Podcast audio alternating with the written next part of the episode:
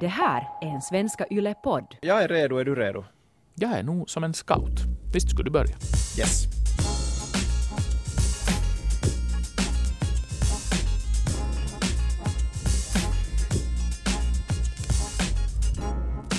Hjärtligt välkommen till avsnitt 61 av Yle-sportens podd. Förra veckan slog vi tack vare Guldlejonen alla tiders lyssnarrekord med tanke på att det här är tredje sista avsnittet i världshistorien av den här podden så lär väl rekordet stå sig. Jag heter Chris Vuojärvi och med mig från Jakobstad har jag som vanligt Antti Koivukangas, jag hävdar ju nog att vi var så otroligt vassa och bra förra veckan och att Lejonen råkade vinna guld där samtidigt. Att det var orsaken till den här fantastiskt fina siffran. Det ska vi komma ihåg också att det är äh, tre avsnitt kvar av podden i den här konstellationen. Vi ska ju inte begrava det som inte är helt dött ännu, men vi ska åtminstone köra vidare med den här bemanningen i tre veckor till och idag ska vi röra oss nog rimligtvis ganska mycket i fotbollens tecken.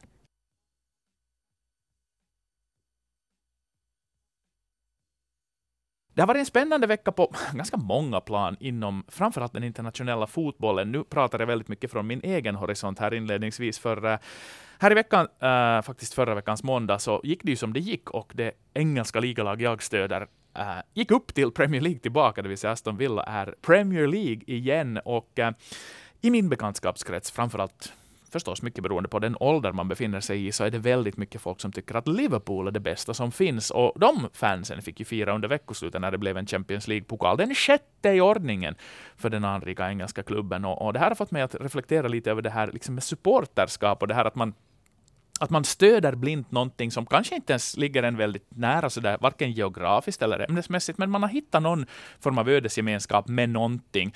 Uh, och i veckan skrev bland annat uh, Aftonbladets fantastiska kolumnist Erik Niva en lång kolumn ja, om sitt förhållande till Spurs, uh, som ju då var den förlorande parten i den här Champions League-finalen. Och där kom så otroligt mycket intressanta poänger fram, som fick mig att reflektera över det här, vad det riktigt handlar om att, att vara supporter. För vi hade ju VM med medgången som födde hockeyvänner och supportrar överallt. Ted och Kai tog bland annat upp det här i sitt senaste ja. avsnitt av podden, där, där Ted tyckte att det är hyckleri att gå med i den här medvindsvågen och börja supporta Lejonen om inte man följer ishockey så där slaviskt och mangrant. Det vill säga, va, varför går man mitt i allt ut och, och, och bailar på stan om inte man kunde bry sig mindre om hockey så där normalt, eftersom då Kai hade gjort det. Det vill säga, den diskussionen tyckte jag var fascinerande. Mm. Vem har rätt att vara supporter?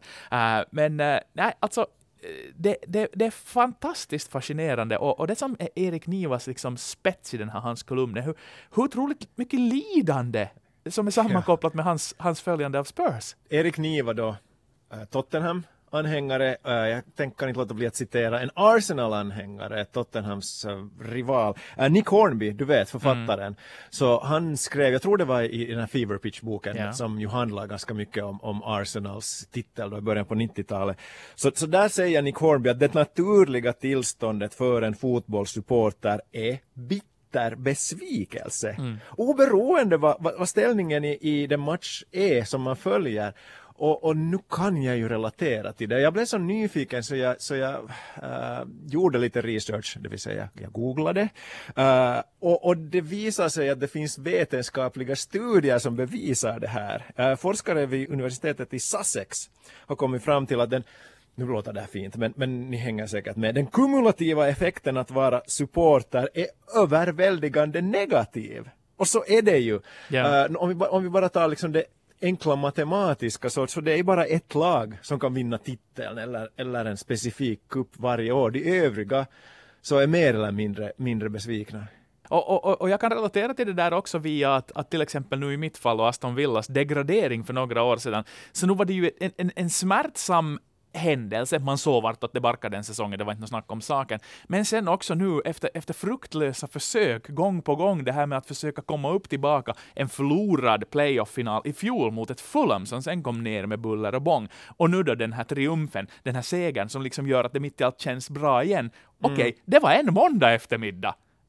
och då spolar jag kassetten tillbaka och tänker på att precis som du säger, den kumulativa effekten är nog det där lidandet och den där smärtan och de där motgångarna och, och det där som, som Niva också tar upp, det där utgångsläget på något sätt, det här kommer att skita sig. Ja men så, ja precis, alltså, han, han sätter nog uh, huvudet på spiken där för, för uh, nog har väl alla som är någon form av supporter varit med om så många besvikelser att man, man sen inte riktigt ens vågar njuta då det ser ljust ut. För, för innerst inne så vet man att nej, det här kommer förr eller senare att skita sig och, och, och det värsta är ju att som supporter ta segern ut i förskott och sen inse att guldet blev till sand. Och när jag nu funderar om och kring det här så, så på något sätt så kunde jag inte låta bli att dra paralleller till, till hur eh, vinnande lag ofta kommenterar sina stora triumfer. Mm. Ofta är det just i, i, form av ord som att, att det är en viss tomhet. Och, och det kan jag nog relatera till. För att sen åter äh, jämföra med att hur det känns då det har gått åt pipan. Så den besvikelsen, den liksom smärtan kan ju stanna i kroppen väldigt länge medan den där euforin så den är inte lika långvarig helt enkelt. Ja, och, och, på sätt och vis blir ju också den där motgången en drivkraft. Det vill säga, nu än en gång Aston Villa-exemplet, där var väldigt många spelare som var med och förlorade den där äh, playoff-finalen och eh, äh, ältade säkert det ganska länge efteråt. Och, och därifrån kan du ju få den där gnistan till att tamme fan, det här ska jag aldrig återuppleva igen. Den här känslan vill jag liksom ersätta med någonting. Jag vill vara på den andra sidan och fira. Äh, ta för Case Liverpool, samma sak äh, hela Karius-debaclet och den förlorade finalen. Äh, på sätt och vis är det ju charmigt att, att Liverpool-supportrarna nu sen mycket skriver på sociala medier att oj, att, att äntligen är den 14 år långa ökenvandringen över. Det är inte en lång ökenvandring. Nej. Det är en sån där semilång, vet du sådär, det är en liten svacka Det ja. finns ju folk som har, har aldrig har sett annat än öken. Erik ja. Niva exempelvis. Nej men så är det. absolut. Och, och, det handlar ju inte bara om, om segrar och förluster, för, för den där besvikelsen och det där lidande kan ju handla om, om mer än så. Jag kan bara ta som exempel det här att, att spelare man har älskat eller förknippat sig med, så sviker de. Mm. Och, och till exempel, eller oftast då lämnar klubben för, för grönare äh, jaktmarker, äh, så sitter supportern i fråga där med en tröja med helt fel namn och ja. helt fel nummer på ryggen. Så ett litet tips att för, för alla ut där, så det är nog alltid säkrast att köpa bara en tröja utan namn och nummer eller sitt eget namn. Absolut, ja, för man kan ju utgå från att man själv är trogen. Nej men så är det ju, jag menar jag glömmer aldrig exemplet för Fabian Delf äh, som äh, på sociala medier gick ut med att äh, när det snackades mycket om hans kopplingar till Manchester City så gick han, och det var ju så, det var ju så skämmigt att gå ut och säga att I'm going nowhere, den här klubben i mitt hjärta, vet du, nästan på gränsen till att jag vet inte om han kanske till och med gjorde på den där videon, men vet du, det här klassiska att kyssa klubbmärket. Mm. Och så går det en vecka och så är han väck. Liksom, du, du får inte fixat ett, ett kraftigare Judas-stämpel åt dig än med sånt agerande. Nu har det till exempel pratats mycket om att Jack Grealish skulle vara på väg bort från Aston Villa. Äh, jag har svårt att se det hända, men den again, jag har sett det hända förr, så det är liksom ingenting nytt med det. Men det, det är väldigt mycket sånt, just sånt här som handlar om lojalitet och sån här trofasthet och den här, den här äktheten som på sätt och vis blir så jätteviktigt när det kommer till supporterskap. Ta till exempel nyfödda föreningar. Jag menar, alla föreningar kan inte ha blivit grundade på 1870-talet. Så enkelt är det.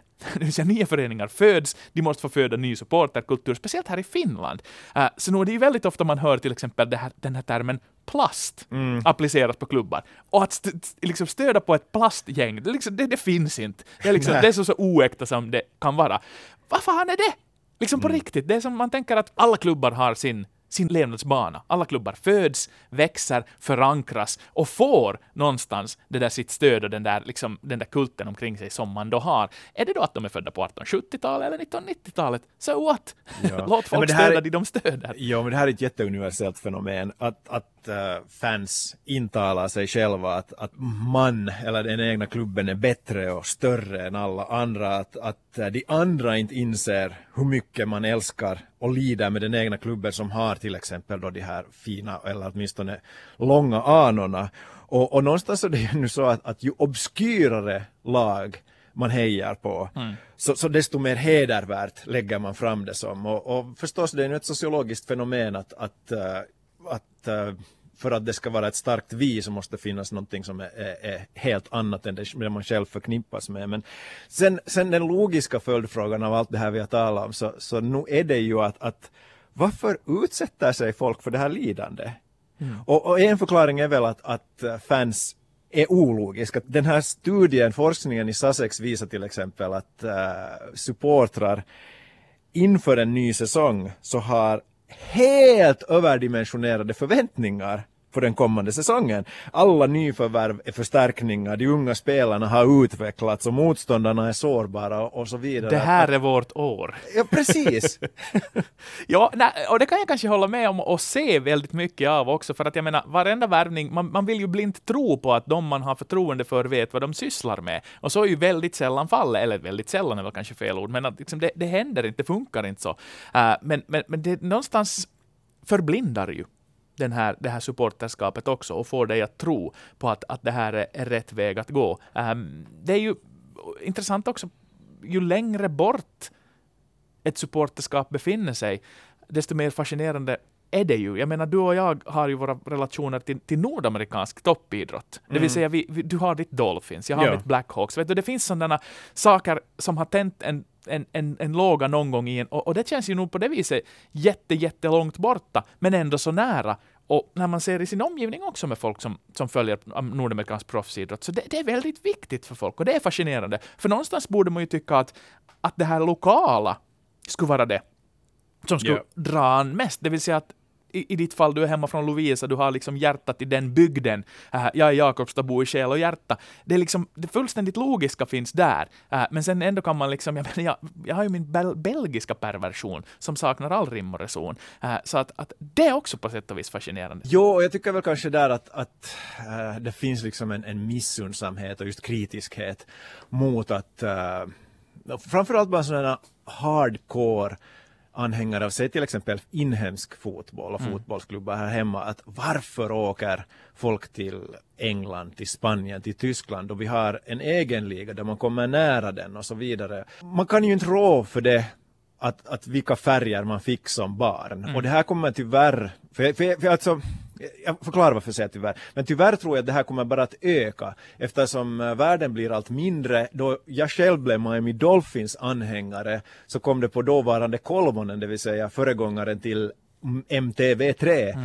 uh, eh, NFL-matcher en gång i veckan eftersända flera dagar. Men då råkade jag se uh, Miami Dolphins spela en väldigt underhållande passing game liksom med Dan mm. Marino, otroligt karismatisk quarterback och jag föll för det. Och sen under studietiden så kom internet och jag kunde följa matcher via radio och inte upplever jag mig som, som att, att det engagemanget skulle vara mindre värt än, än det jag har för, för lokala klubbar. Men allt det här sagt så nu blir det här lite kom si kom sa men jag tycker att det är värt det och därför jag tycker jag det är tyvärr eh, jag hoppas att folk inser fortfarande värde av de lokala klubbarna oberoende av nivån då de spelar på. För säsongkort är oftast inte dyra och det är det bästa sättet att stödja den lokala idrotten att köpa de här säsongkorten oberoende om man går på matcher varje gång eller inte. Och med tanke sen på klimatförändringen så, så nu finns det ju ett case för att agera mer lokalt till förmån för att, att ta flyget och, och kolla på Barca, Real, United, Arsenal, Chelsea, mm. Bayern eller Dolphins eller Blackhawks. Nej, och sen, eh, jag menar, det, det, det är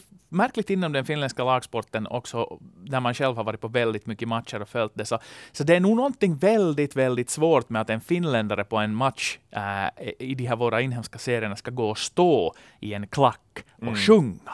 När det är det man åker internationellt sett för ja. att uppleva. När man ska hitta den där känslan att stå i en egen sektion, vara tillsammans med de som tycker lika, som är klädda lika och, och liksom okritiskt stöda och ösa kärlek över det lag som gör någonting på plan. Uh, sen är det liksom huvudläktaren, händerna i kors, grumpy old men-minen. Uh, och så kanske man också lite ser ner på den där genuina supporterskaran som sina ringa nummer till trots gör ett jättejobb. Ja, vi har ju talat om det här tidigare. Jag tycker fortfarande jag står fast vid att det finns inte rätt och fel sätt att heja på ett lag förutom då rasism och, allt det där uppenbara. Mm. Men, men om man vill vara tyst och följa med sin match så är det lika fine som att vara i den där klacken. Men jag vågar påstå, det har jag sagt tidigare i olika sammanhang, att om den finländska fotbollsligan, den finländska fotbollen ska bli större, så då krävs det de här klackarna som skapar den där atmosfären som gör att, att folk, ah, att, att det var ju roligt att gå på match mm. fast det blev bara oavgjort 1-1 eller någonting i den stilen. Och, och det görs gott jobb på många håll men tyvärr som du säger så, så på de flesta håll så är den här klacken fortfarande ganska liten. Yeah. Att se bara på, på hur läget är i Sverige till exempel förstås publiksiffrorna där är även i övrigt större.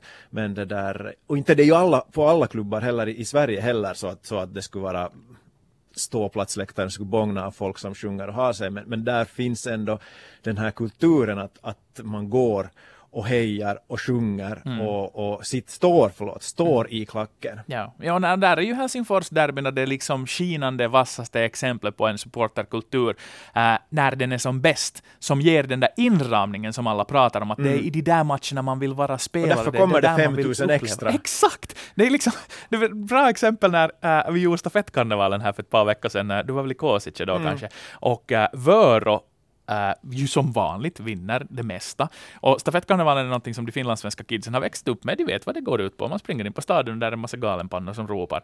Uh, och det är färgglatt och det är karneval. Men då var det en av de här Seinäjoki-friidrottarna som, som studerar i Vörå, som, som uh, kom in som ankare på gatustafetten och sprang in på den där arenan och, och konstaterade att hon fick gåshud. Att nu hade de sagt vad det går ut på, men hon kunde inte förstå, för när får du på en friidrottstävling springa in inför sådana fans överhuvudtaget? Inte ens vid VM i värsta fall är det en sån stämning, speciellt inte nu med tanke på var VM kommer att arrangeras. Och framförallt då finländarna är med. Det här är elakt sagt men det är sant, finländarna är oftast med på, på de här förmiddagspassen hit. Och då är det ofta ganska lite folk, det finns undantag som OS i Sydney och Ja. OS i London. Nej, men så är det. Så att liksom, inramningen är ju en så stor del av idrotten och, och, och det här går ju ända ner till, jag tycker ju bollförbundet här i Finland gör ett fantastiskt jobb nu med att, att de har den här kampanjen som riktar sig till junioridrotten där, där liksom, jag tror hashtaggen heter väl Äh, kannusta kannustamua. Och det börjar ju redan där, det vill säga liksom att det positiva stödet, understödet och, och, och hejande och, och man ser roliga fenomen inom juniorfotbollen också till exempel som att äh, i väldigt många svenska lag, men det har börjat också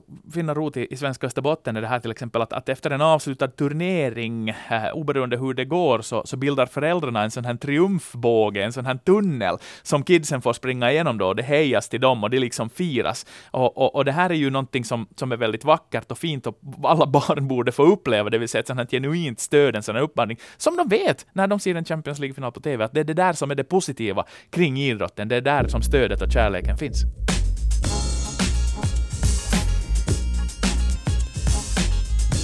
Om vi nu talar så här om supporterskap så vet väl att, att en del, och helt säkert rättmätigt tänker att, att, att nu är det ju töntigt det här med idrott och så vidare. Men jag ser ju samma fenomen på olika håll i samhället. Ta nu bara politiken. Så uh, nu har vi ju det där supporterskapet där också. Man, man inom citat hejar på ett parti eller på en kandidat. Och precis som, som i idrottssammanhang så, så väljer man kanske att, att äh, vända ryggen till eller, eller inte riktigt acceptera det faktum att, att partiet eller kandidaten man tycker att är alldeles förträfflig också har sina dåliga sidor. Och, och sen också inom teknologin. Alltså som, hur absurt det än låter så Apple till exempel gjorde Ah. ju ganska kassa datorer på 90-talet och början på 2000-talet, men de hade ändå en kritisk massa som hade köpt Mac-datorer och som hade eh, på något sätt intalat sig själva att det här är det bästa som jag kan köpa, det är bättre än de här alla, som alla andra har de här PC-apparaterna och, och det ledde till att kanske delvis till att, att Apple överlevde och sen utvecklade man sig. Och, och någonstans så, så såg man ju också en slags supporterskap då Steve Jobs gick bort, dog. Det var ju en kult. Ja, precis. Mm, och jag tycker att det, att det finns ganska klara paralleller till det där. Så att, så att de som tycker att det här med, med idrottssupporterskap är töntigt, så det finns de facto på andra håll också inom samhället. Ja, men så det är ju, jag menar, eh, i politiken handlar det ju om det där att vad du är beredd att få göra för ditt lag, det vill säga eh, i fotboll kanske du står och sjunger i klacken, i, i politiken så klistrar du valannonser och kör ut dem längs med riksottan och, och liksom gör jobbet för att laget ska nå framgång. Du bidrar med det lilla du kan bidra. Och det där teknologiexemplet är ju, är ju slående. Jag glömmer inte, eh, jag tror det var faktiskt utanför den specialbutik som säljer Apple-produkter, där, där när Steve Jobs gick bort så, så dök det upp ljus utanför den affären. Och det snackas ju, då, då handlar det ju om en, en, en emotionell koppling som går långt förbi logiska. bara konsumtion, logisk liksom konsumtion. Jag köper den här prylen för att den är bättre eh, än konkurrenten och den ger mig i leveransväg det jag behöver, utan då är det ju faktiskt, då är det, då då är det en kärlek någonstans där i grund och botten som skapar det här, det här förhållandet i politik, i fotboll eller i teknologi. Så det är ett jättebra exempel. Men jag tycker vi ska åtminstone ta upp ett tema till. Vi är båda journalister, vi är båda sportreportrar, vi talar om supporterskap och, och vi har våra favoritlag, du har nämnt Blackhawks, Villa, jag har Dolphins och Dolphins är, är kanske det enda laget som jag riktigt sådär öppet hejar på. För, för att, att någonstans ändå så, så, så tycker jag att, att man som, som i den här rollen så kanske man inte ska visa sin partiskhet men, men Miami Dolphins lär jag aldrig referera, referera eller, eller någonting i den stilen. Men, I, men hur ser- idag, idag på eftermiddagen offentliggörs Yles Ja. avtal med NFL. ja, och svenska Yle sänder rubbet. Nej men hur, hur- ser du på det här förhållandet uh, sportreporter och att vara supporter? Det är ju klart det är klurigt. Det hade varit per definition uh, genom hela min karriär, som ju har ungefär tre veckor kvar att, att omspänna. Eh, Det gäller, nu är vi tillbaka där igen, att det här är ju inte bara idrotten, utan politiska reportrar har samma sits, ekonomiska reportrar, kulturreportrar, det vill säga det är det där journalistiska oberoendet. Det mest skinande exemplet, som ju skapade en hel del ramaskri nyligen här i Österbotten, är ju när Pohjalainens chefredaktör ställde upp i ett politiskt val för ett parti, blev inte invald och uh, brushes it off, mer eller mindre, och återgår till jobbet som om ingenting skulle ha hänt. Nu är det ju ett ganska ställningstagande, markerande, tydligt agerande som visar helt solklart var den chefredaktörens sympatier ligger och att man är beredd att aktivt jobba för det. Sen är det ju ingen hemlighet att tidningens sympatier nog är ganska långt där i samma linje. Men ändå, du flaggar inte för det öppet, precis som du konstaterar. Dolphins känns för dig att det är liksom ingenting du behöver hyckla med, eh, utan det, det, det är någonting du kan gilla. Jag är väl kanske benägen att tycka att man kan ju inte dölja ränderna. Till exempel var du är uppväxt, äh, vilken tradition du kommer från. Äh, jag har ju min morsa som det skinande exempel. Hon har gått i 50 år på Jaros matcher. Hon är säsongskortsinnehavare, hon prenumererar på alla kanaler för att se Jaro. Jaro är hennes allt. Och via den uppväxten så har det blivit en jättestor del av mitt liv, där jag har båda barnen i sagda förenings juniorverksamhet som bäst. Det är klart att man är väldigt nära anknuten till det, och där är det en utmaning och ett jobb, ett aktivt jobb att särskilja det professionella och det privata. Och det är liksom ett jobb jag har tyckt mig lyckas skapligt med längs med åren. Vissa gånger sämre, vissa gånger bättre, men det, det, det är, liksom, det är en, en problematik. Jo, jag vet inte om du har upplevt samma sak, men jag tror att det är ett ganska allmänt fenomen bland sportreportrar att, att jobbar man på något sätt om och kring ett lag man endera har sympatier för eller haft sympatier för, så är man så otroligt medveten om det att man samtidigt, det blir lätt så att man blir överkritisk.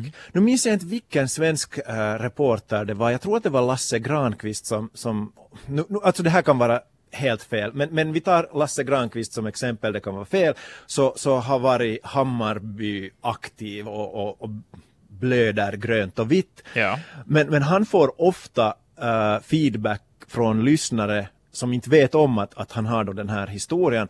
Att eh, varför hatar han Hammarby? Ja. Och jag tyckte att då, då jag läste det så att jag kunde relatera till det. För att man vill bara inte sätta sig på pottan där att hoppsan att den här, den här och den här klubbens supporter så, så talar sig varm för, för det här och, och, och ställer sig okritiskt till allt vad den här klubben sysslar med. Mm. Jo, jo. Och, och det, det blir ju per definition en easy out för en själv i den rollen. Det vill säga att du safear med att, att absolut inte utsätta, sig, utsätta dig för den kritikstormen. Det vill säga att, att uh, hellre en överkritisk hållning, stans, än att du skulle göra dig skyldig till medvindssupporterskap i den roll som förväntas vara journalistiskt oberoende. Det är en jätteutmaning och jag tror det där är, det är ett väldigt typiskt fall. Det är ju då intressant just att till exempel Aftonbladet ju hade faktiskt väl förordat till exempel den här Erik Nivas eh, terapibesök, som jag tyckte var ett fascinerande grepp på hans supporterskap. Det vill säga att de, eh, för, för den tidningen är det där en resurs, en styrka,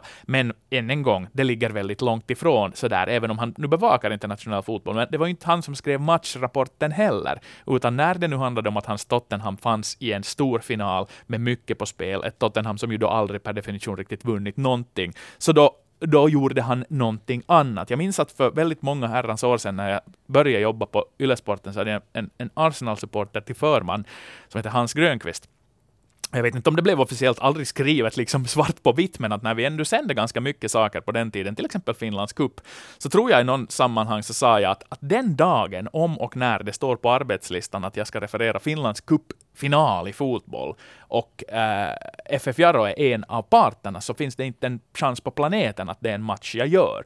Eh, som supporter före min tid på Yle har jag ju upplevt två av de här cupfinalerna på ort och ställe. Stått i klacken, gorma, skrikit, blivit besviken, fått det där lidandet. Så att liksom att den där särskiljningen är jätteviktig att göra. Mm. Jag äh, kan inte låta bli om vi så småningom avrundar det här, men, men hur fin Jakobstad ändå en mindre ort och jag upplever i Lovisa, fast jag inte hänger där så mycket längre, att, att eh, det finns kanske ett visst, en viss förväntan att man ska göra reportage och uh, skriva på ett visst sätt eller rapportera på mm. ett visst sätt om de lokala föreningarna. Men, men hurdan, för jag minns att du skrev i tidigt i din karriär en ganska kritisk kolumn om Jaro som sen ledde till uh, att dåvarande Jaro-tränaren tyckte att, att det här var oschysst. Att, att Ja, inte nog med det. Han ville ju att jag skulle läsa upp den i omklädningsrummet för ja, laget. För att han ville inte ge en intervju. Uh, Niklas Widjeskog, faktiskt. Vi kan ju prata namn. Inte är det något ja. konstigt med det. 2006 tror jag. De bytte tränare mitt under säsongen. Uh, och ja, säsongen hade ju gått åt skogen. Och min poäng var det att liksom, det var som att byta Hans mot Greta. Uh, ingenting kommer att förändras. Vilket ju då Niko Kalliokoski omkullkastade igår när KPV gick och vann, assisterande mm. över. Men ja, äh, ja det, var, det var en sits där, där ett, ett, ett ganska uppdämt missnöje ledde till en ganska hård kritik. Äh, Sören Bäck, på Österbottens Tidning, lever i samma sits. Äh, han är domare själv, han är, är liksom, äh, har via familjen kopplingar till föreningen, men, men han har också haft sina duster. Och, och, det är ju det att våga ta den där striden, striden är väl fel ord, men att våga liksom stå för sina åsikter och faktiskt kraftigt äh, markera och, och, och, ha en, en integritet och sen stå för det. Jag minns, det var en spännande sitt för en då ganska ung reporter när, när en, en rosenrasande tränare har printat ut äh, en text åt mig och sa att, att kan du läsa upp den här för, förlaget? Och jag tyckte ju det var konstigt, men gjorde det och frågade att blir det någon intervju idag nu då? För det var, där jag, det var, där, det var jag där för att göra. Det skulle till Åland tror jag spela en avgörande match. Och sen gav han inte någon intervju heller. Uh, Water under the bridge idag, 15 år senare. Men, uh, men en speciell sits, och ja, det, det har ställts på sin spets. Och det har alltid förstås funnits ett väntevärde. Det kan jag hålla med om. Att liksom, det måste göras reportage hit och dit, men, men uh, där också har ju nog en, en form av linje när jag ändå har haft producenter och förmän i, i, i den här organisationen, alltid regerat. Att Jaro är ett lag vi bevakar, ett i mängden.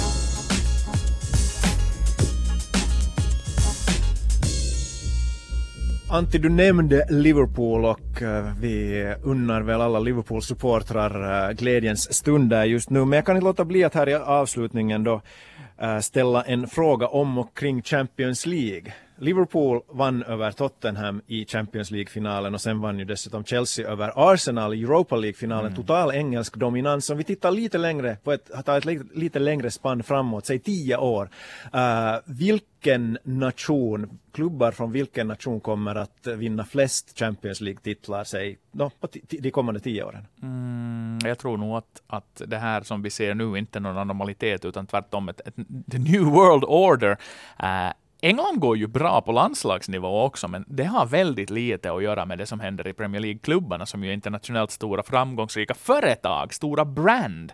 Uh, jag skulle säga sådär, om jag, om jag skulle måste fördela de kommande tio Champions League-titlarna, så går de fem av dem till engelska klubbar. Tre av dem går till spanska klubbar och sen finns det faktiskt up for grabs möjlighet där för tyskarna och italienarna, eventuellt och någon PSG. fransk klubb att hugga till. Ja. Ja, mm. Jag tänkte eventuellt någon fransk klubb. Lyon är bra på många sätt, men liksom det är PSGs titel att förlora varje år med de resurserna de har. Jag håller med. Jag håller fullständigt med. Nå någonstans som i den lysande tv-serien The Wire, så i första säsongen så talar man hela tiden om att follow the money. Och mm så är det nog bara tyvärr. Ibland vinner Leicester, ibland vinner HPK eller Asset i, i den inhemska ligan, men det hör till undantagen. Uh, Premier League-klubbarna har den största budgeten.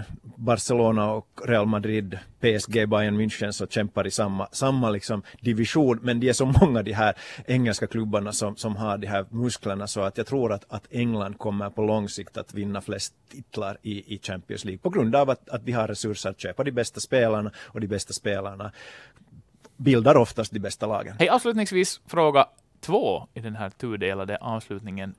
Vi sitter nu och bandar den här podden och då har Finland ingen regering. Men när den är ute, det vill säga när du hör det här, så kan du gå in på Svenska Yle och läsa en lista att wow, tja, tjubblibidibu. Förutom att du förstås ska kunna läsa hela regeringsprogrammet under helgen på Iltalehti. Men 19 ministerportföljer äh, är enligt uppgift det som fördelas.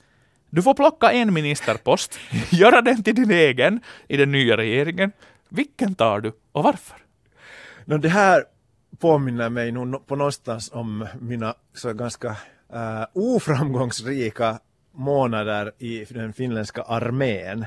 Och, och, där blev jag en mästare på, att, eller det är väl de flesta, att, att, att vara i så kallad nackisuoja, det vill säga mm. att försöka undvika de, de jobbigaste uppgifterna. Och när jag tittar på den där listan så var det nog bara en ministerpost som stack ut och den som enligt uppgift går till SFP. Minister för nordiskt samarbete. Det, jag kan tänka mig att, att där kommer det inte att storma så hemskt mycket. Det kommer inte att, att eh, bli så att journalisterna jagar som blodhundar den ministern för att eh, det är heta potatisar som är på gång där. Så att, så att jag utser mig själv till minister för nordiskt samarbete. Vackert så. Då stal du min post. För jag tänkte lite samma där. Uh, roligt arbetsfält också, men då, no, okej. Okay. No, rent kompetensmässigt kanske jag skulle kunna ta då kommunikationsministersposten, men då måste man jobba ganska mycket och, och hårt och, och, och sådär liksom eh, internt. Så jag tror att jag faller för att att vara en sån här minister som får åka på sådana här fina delegationsresor till bisarra delar av världen och ta med sig en massa företag dit och vara som så att här säljer vi finländsk kompetens. Nu säljer vi den finländska grundskolan till Ulan Bator och nu säljer vi liksom finsk vattenreningskunnande till Paraguays djungel. Så, så äh, i den här regeringen, Rinne 1 kommer den väl att heta, så har vi Christian Vuojärvi på posten som nordisk samarbetsminister och utrikeshandelsministern Posten sköts av Antti Koivukangas. Äh, vi är väl nöjda så. Det låter som en succé. Riket vilar i goda händer. Podd 61 börjar vara i paket. Tack för visat intresse. Ni hittar den på arenan, Spotify och iTunes. Gå gärna in och prenumerera på den, sånt tycker vi är roligt och så ser vi fram emot att gå upp i fyrsiffrigt också den här veckan.